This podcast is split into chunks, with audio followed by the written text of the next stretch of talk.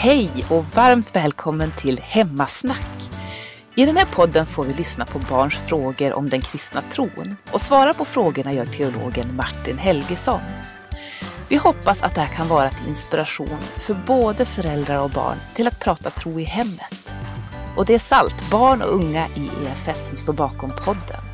Välkommen till Hemmasnack. Hej allihopa och välkomna tillbaka till ett helt nytt avsnitt av Hemmasnack. Jag heter Josef och här har vi resten av vår fantastiska panel. Märta. Linnea. Och han som svarar på våra frågor heter... Martin Helgesson. Och för er som inte har, känner Martin så kan, kan vi beskriva honom med några ord. Glasögon. Tre barn. Kawaii. Gillar kaffe. Gillar sötsaker. Mm, verkligen. Och är gluten. Intolerant. Ja, bra kompletterat Märta. Idag har vi inte Marie med oss och hon är inte heller med i nästa avsnitt. Men vi barn kommer att vara ledare. Och idag kommer det handla om änglar. Ja, just det. Intressant.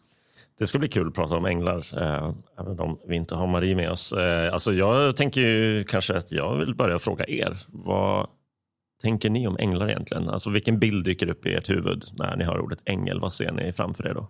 Någon som säger var inte rädd och med så här ljuskrona runt huvudet. Typ en gloria. Så. Och, ja, och vingar och allt. Mm. Vad säger ni andra? Jag tänker lite samma bild. eh, Och helt sådär, kläder som är helt vita. Och Mm. med typ vingar. Jag vet inte varför man har fått, eller varför jag har fått idén om typ vingar på en ängel. Jag tänker också lite så här på, av någon anledning så kopplar jag det till så här bokmärken. Eller nej, Ja. vad heter det? Frimärken. Mm. Eh, och så kopplar jag sen det till Madicken. Jag bara tänker på alltså, den bilden av änglar. Men sen så kan jag också tänka på den som Märta sa.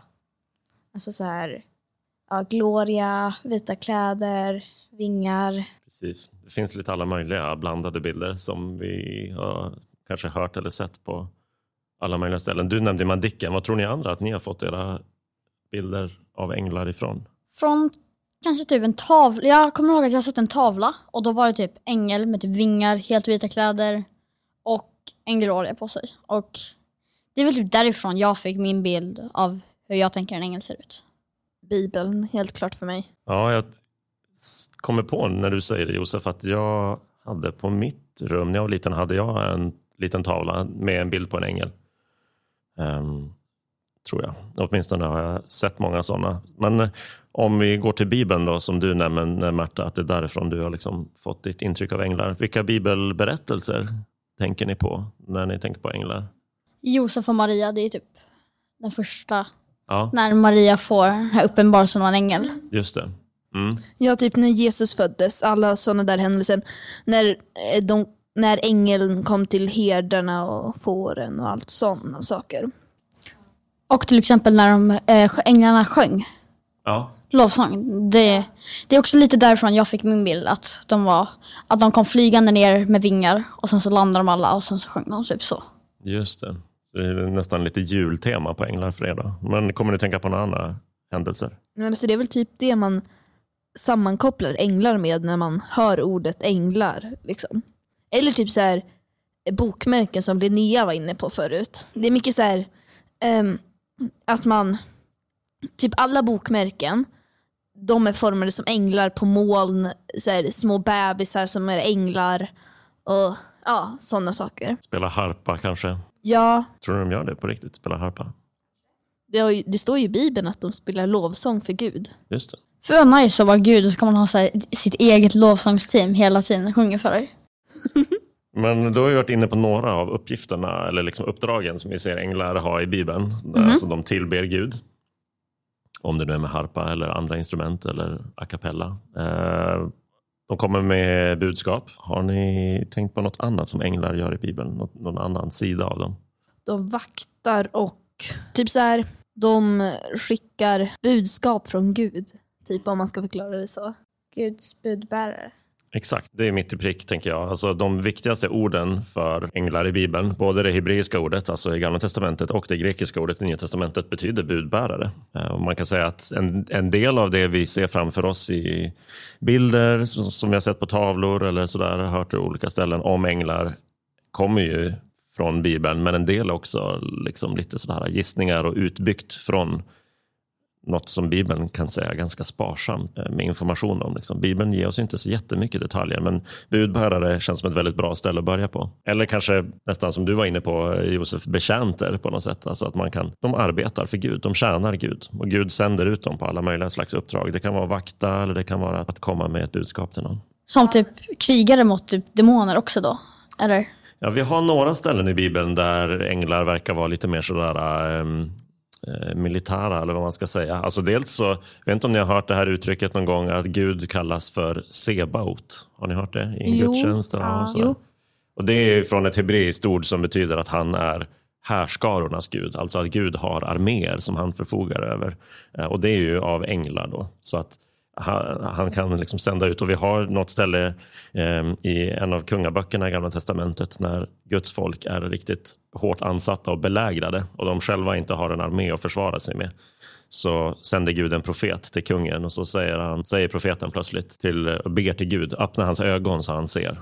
Och när kungen då får se så finns det liksom änglar med vagnar och hästar och sådär som, som finns där för att beskydda. Så de kan ha lite mer den här militära, eh, lite farliga känslan. Liksom. Sen kom jag på att eh, när jag hör ordet ängel då tänker man typ så här på Gabriel som står med ett stort svärd, guld Ja, och liksom flygande hår och bara så här, jag är beredd att kriga. exakt. Nej, men jag tänker så här då.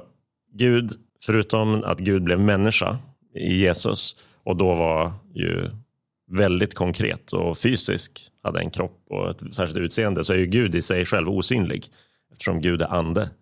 Och änglar är ju också andar, så jag tänker att änglar i första hand är osynliga och vilka bilder vi än föreställer oss, vilka former de beskrivs i Bibeln, är ju, måste ju vara någonstans för att Gud väljer att de ska visa sig för någon. Och då kanske de visar sig på, på något sätt som eh, har att göra med vilket uppdrag de har. De eh, kanske ser beväpnade eller ser farliga ut om deras uppdrag är att skydda eller att bekämpa Guds fiender. Um, och å andra sidan kanske ser annorlunda ut när de kommer för att eh, bära ett budskap eller så. Men det intressanta är ju, du, var det du Märta som sa var inte rädd, säger änglar. Jo, det var jag. För eh, ta det som ni tänkte på allihopa när ängeln kommer till Maria. Hon, är- den ängeln, Gabriel, som han, får ju, han har ju ett namn till och med, har ju ett jättepositivt budskap. Och ändå så säger han var inte rädd. Så det verkar ju som att oavsett varför änglar visar sig, vilket uppdrag de har och exakt hur de ser ut så är det någonting med dem och att de dyker upp som är lite läskigt. Och sen, man kan, jag kom på nu när jag tänkte efter lite mer, Mm. att man, om man tänker efter mycket, då, då kommer man ju också på att äm, änglar, änglar kan ju också sammanko- sammankopplas med när Johannes döparen, så här, när hans föräldrar fick budskapet om att Just han det. skulle födas. Ja, exakt. Det- Då var det ju mycket änglar med, mer än när, Jesus, när Maria skulle bli gravid med liksom, Jesus. på, på kort tid där i, så har vi både när Johannes ska födas och när Jesus ska födas. Mm. Så Gabriel hade fullt upp där med att eh, leverera nyheter om, om barn som skulle komma. Skulle änglar kunna fastna nere på jorden eller drar typ Gud bara upp dem då? Alltså jag tänker här igen då att när vi pratar om himlen, för det är ju väldigt så, mycket så vi tänker att änglar finns i himlen precis som Gud finns i himlen. Det är naturligt för oss att tänka himlen som någonting som verkligen ligger uppåt och liksom på ett särskilt ställe. Men Gud finns ju runt omkring oss överallt. Himlen tänker jag handlar inte, det är liksom inte som man står på typ våning ett i ett hus och så trycker man hissen, trycker man tre så är man högre upp. Himlen och jorden är liksom inte riktigt på det sättet. Så eh, jag vet inte om det egentligen handlar så mycket om att de flyttar sig till olika ställen som att de gör sig synliga. Så att de blir tillgängliga för oss att se eller höra när de behöver det och i övrigt så syns de inte. Jag tänker inte egentligen att de så att säga åker någonstans. Samtidigt så är det ju så att änglar antagligen inte, eller vi vet ingenting, men det står inte i Bibeln att änglar på något sätt skulle vara överallt så som Gud är. Det är ju, tror jag, en egenskap som är unik för Gud, att han kan vara överallt. Det behöver inte änglar vara, men jag tror inte de liksom åker fram och tillbaka riktigt på det sättet. Apropå det här med om änglar liksom åker mellan himlen och jorden så har vi en lyssnarfråga som handlar bland annat om det. Jag skulle vilja veta mer om änglar. Finns de här på jorden och har vi en skyddsängel? Från Kerstin, 11 år. Ja, så en av de här sakerna var vi inne på redan, det här med att finnas på jorden. Det, det funderade ni på också. Så om jag ska försöka svara på det igen. Det där, är- jag tycker det är knepigt att komma åt hur man ska svara på det på ett bra sätt. Men min poäng är nog att himlen, när vi läser det ordet i him, himlen i Bibeln så betyder inte det långt bort i rymden. Utan det handlar snarare om ett annat, kanske vad vi, ungefär vad vi skulle mena med att finnas i en annan dimension. Alltså vi ser och uppfattar vissa dimensioner här på jorden, sådär, längd och bredd och liksom tredimensionella fysiska föremål. Men änglar finns på något sätt utanför det för att de är andar, precis som Gud. Så jag tror inte att de behöver resa på det sättet. Men är då änglar hela tiden runt omkring oss på jorden då? Jag vet inte riktigt. Ehm, På sätt och vis kanske de är det när de behövs. Gud kanske sänder dem till, till eh, någon särskild person. Eh, Men om det då är så att de liksom åker, ja, de, eh, ska de visa sig för en person, en människa, så behöver de ju vara där den människan är. Men jag tror knappast att plats är liksom en stor grej för änglar, förutom just när de visar sig för människor. Eh, Att de behöver kollektivtrafik eller fordon eller något sånt för att förflytta sig. Men det vet vi väldigt lite om. Men den här um, andra delen av lyssnarfrågan, skyddsängel, då, är det något som ni har tänkt mycket på? Har ni liksom tänkt att ni har en sån eller har ni hört andra prata om att oh, där var min skyddsängel med eller någonting sånt?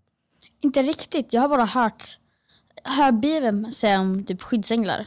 Eh, Ja, men jag har, jag vet inte riktigt. det är väl mer typ så här att man har hört om eh, att man har en eh, skyddsstjärna eller något sånt. Men när jag tänker på skyddsänglar så är det, då får jag ofta upp en bild från en gammal tavla vi hade hemma. Jag vet inte om vi har kvar den nu, men det är, det är två barn som går på en bro mitt ute i ingenstans. Och så är det en skyddsängel där för att skydda dem. För att inte falla i ån. Det var precis den tavlan jag tänkte på innan också, som jag har sett någonstans. Ja, men det finns ett ställe där Jesus säger, jag tror att det är därifrån den här tanken om skyddsänglar finns. Jesus säger en gång, står i Matteus evangeliet kapitel 18 om någon eh, vill eh, slå upp det hemma. Se till att ni inte föraktar någon enda av dessa små. Jag säger er att deras änglar i himlen alltid ser min himmelske faders ansikte. Så å ena sidan är det ju ganska nära tanken att vi har skyddsänglar. Jesus säger deras änglar och att det är flera änglar. Och när Jesus pratar om personer som är små, då brukar han syfta på ja, människor som tror på honom. Oavsett ålder. Så det är inte i första hand bara någonting som har med barn att göra. Eller så.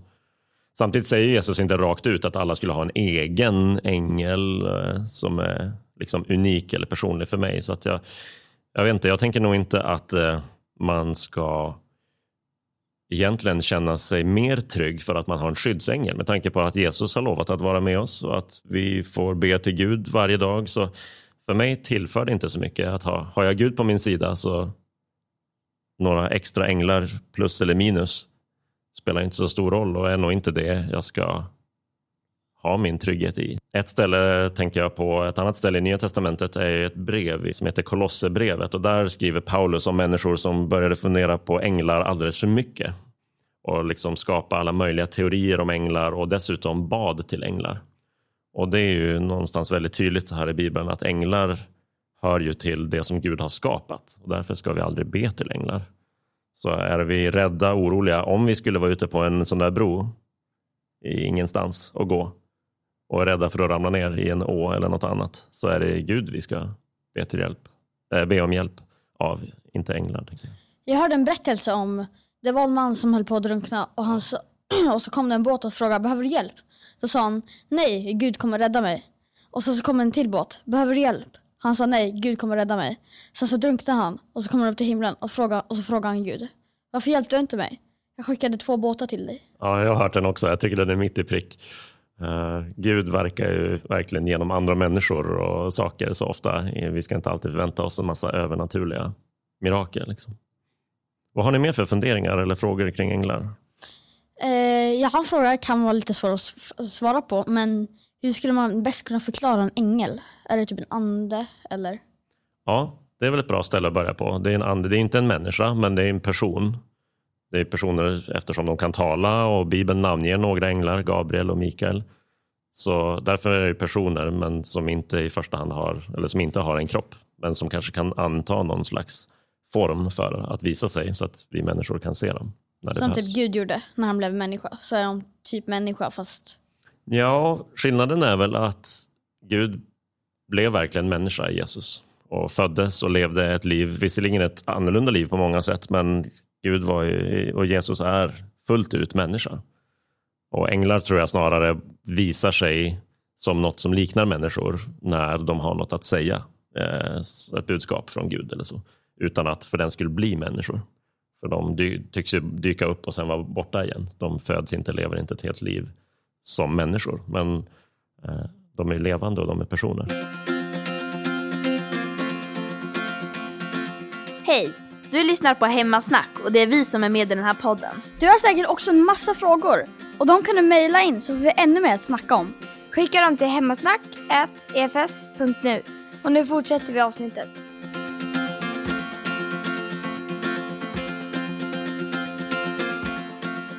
Sen har jag en fråga. Jag vet att den är rätt så svår, men hur många änglar ungefär finns det i himlen? Du måste, om liksom, vi pratade ju om skyddsänglar förut. Mm. Ehm, och då, om man tänker sig att varje person har en skyddsängel, då måste det ju finnas supermånga.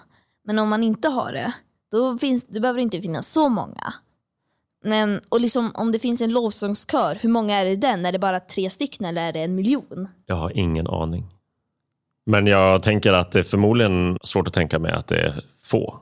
Jag tänker någonstans att det förmodligen är ganska många. Det, tycks, Man det får ju känns liksom, höra namnen på bara någon Man får bara höra enstaka. namnen på några enstaka, exakt. Men eh, vi har i alla fall en kör där. Jag vet inte hur många behöver man för att vara en kör. Men det står ju att det är många.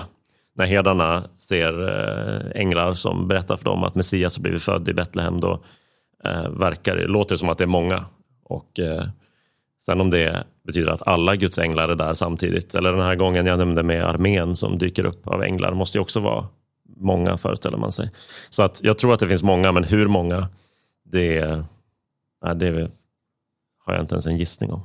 Det står så mycket om typ Guds tron och sånt. Eh, har han typ ett slott då? Där alla änglarna är? Eller? Nej, jag vet inte. Det är, ett, det är ett bra sätt att förklara, det är ett bra sätt att beskriva Gud som kung. Att Gud sitter på en tron. Och poängen där är ju att Gud har makt. Att Gud är den som råder över hela skapelsen. Och att Gud är värd ära.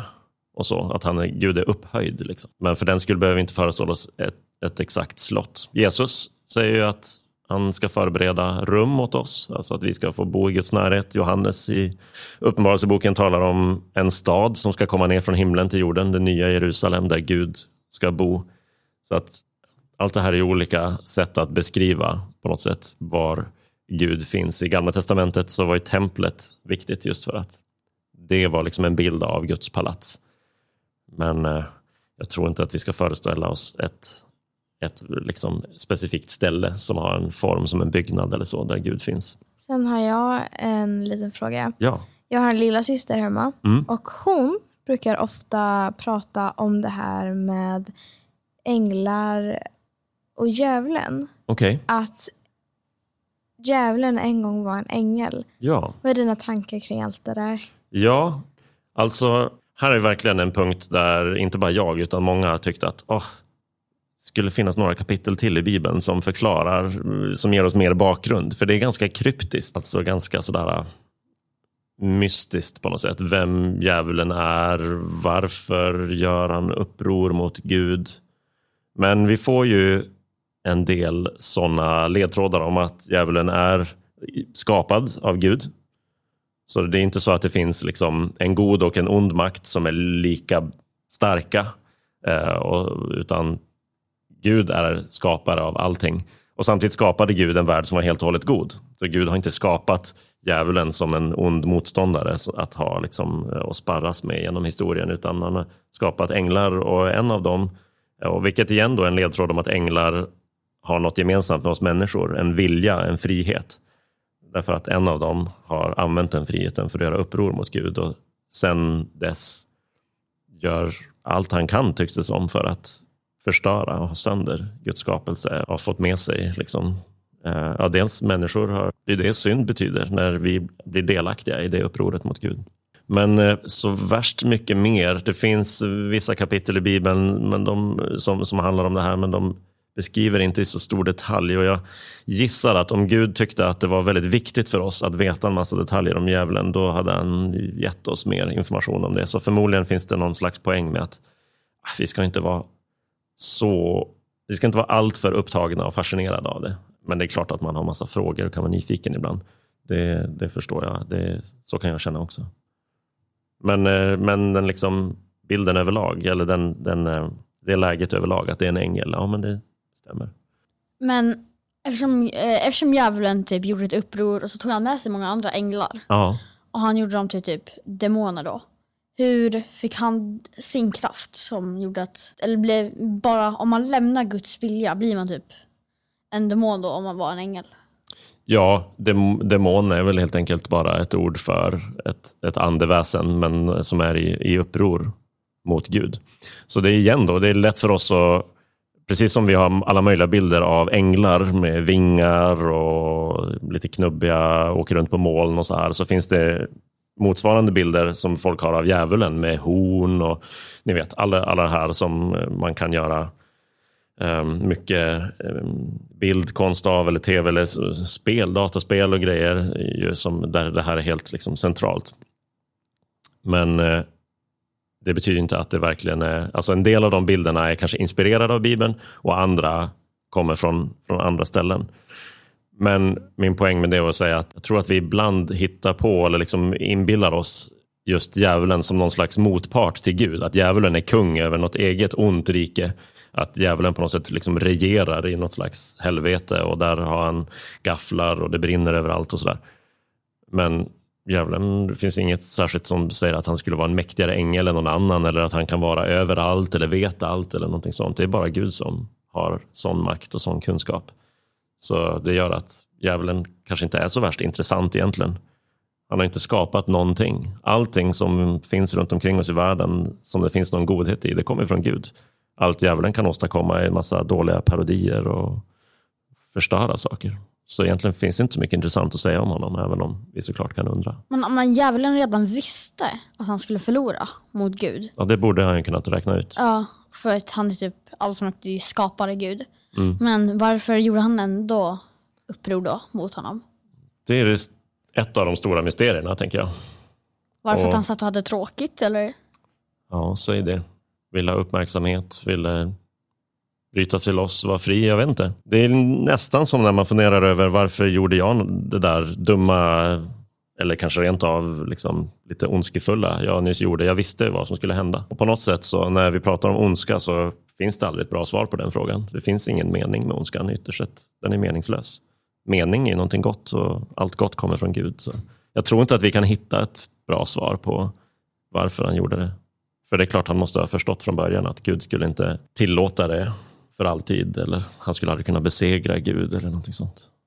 Vad heter det? Jag har hört att, att folk har sagt att eh, man blir en ängel när man dör. Vad tänker du på det? Mm. Det känns som något som eh, Pippi eller eh, någon annan av Astrid Lindgrens karaktärer åtminstone pratar om. Och jag, det kan nog vara så att en del, en del tänker så. Kanske inte jättekonstigt på sätt och vis för att ja, vår, Eh, vår tro är att om man, eh, när man dör, eh, den som har tillhört Jesus här i livet får komma till Gud och eh, sova. Men eh, man blir inte ängel för det. Och jag skulle säga att det skulle faktiskt inte ens vara... På sätt och vis kanske det låter som att det är mycket tröst i det. Och samtidigt finns det något mycket bättre som är det Bibeln faktiskt håller fram som vårt hopp, nämligen att vi ska få uppstå igen och att den här jorden ska få bli återställd och nyskapad, att vi ska få leva med Gud på den, inte som änglar utan som människor.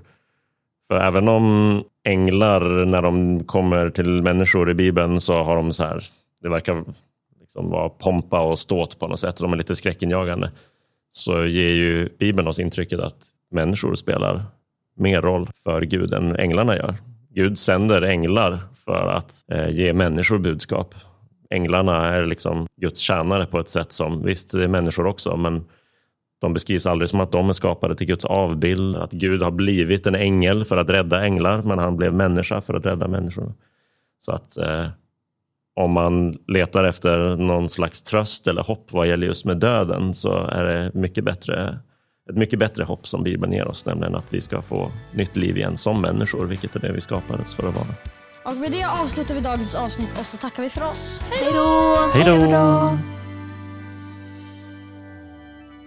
Så roligt att du har lyssnat på Hemmasnack. Nu har även du som lyssnare möjlighet att ställa dina frågor till Martin. Maila gärna frågorna till hemmasnack efs.nu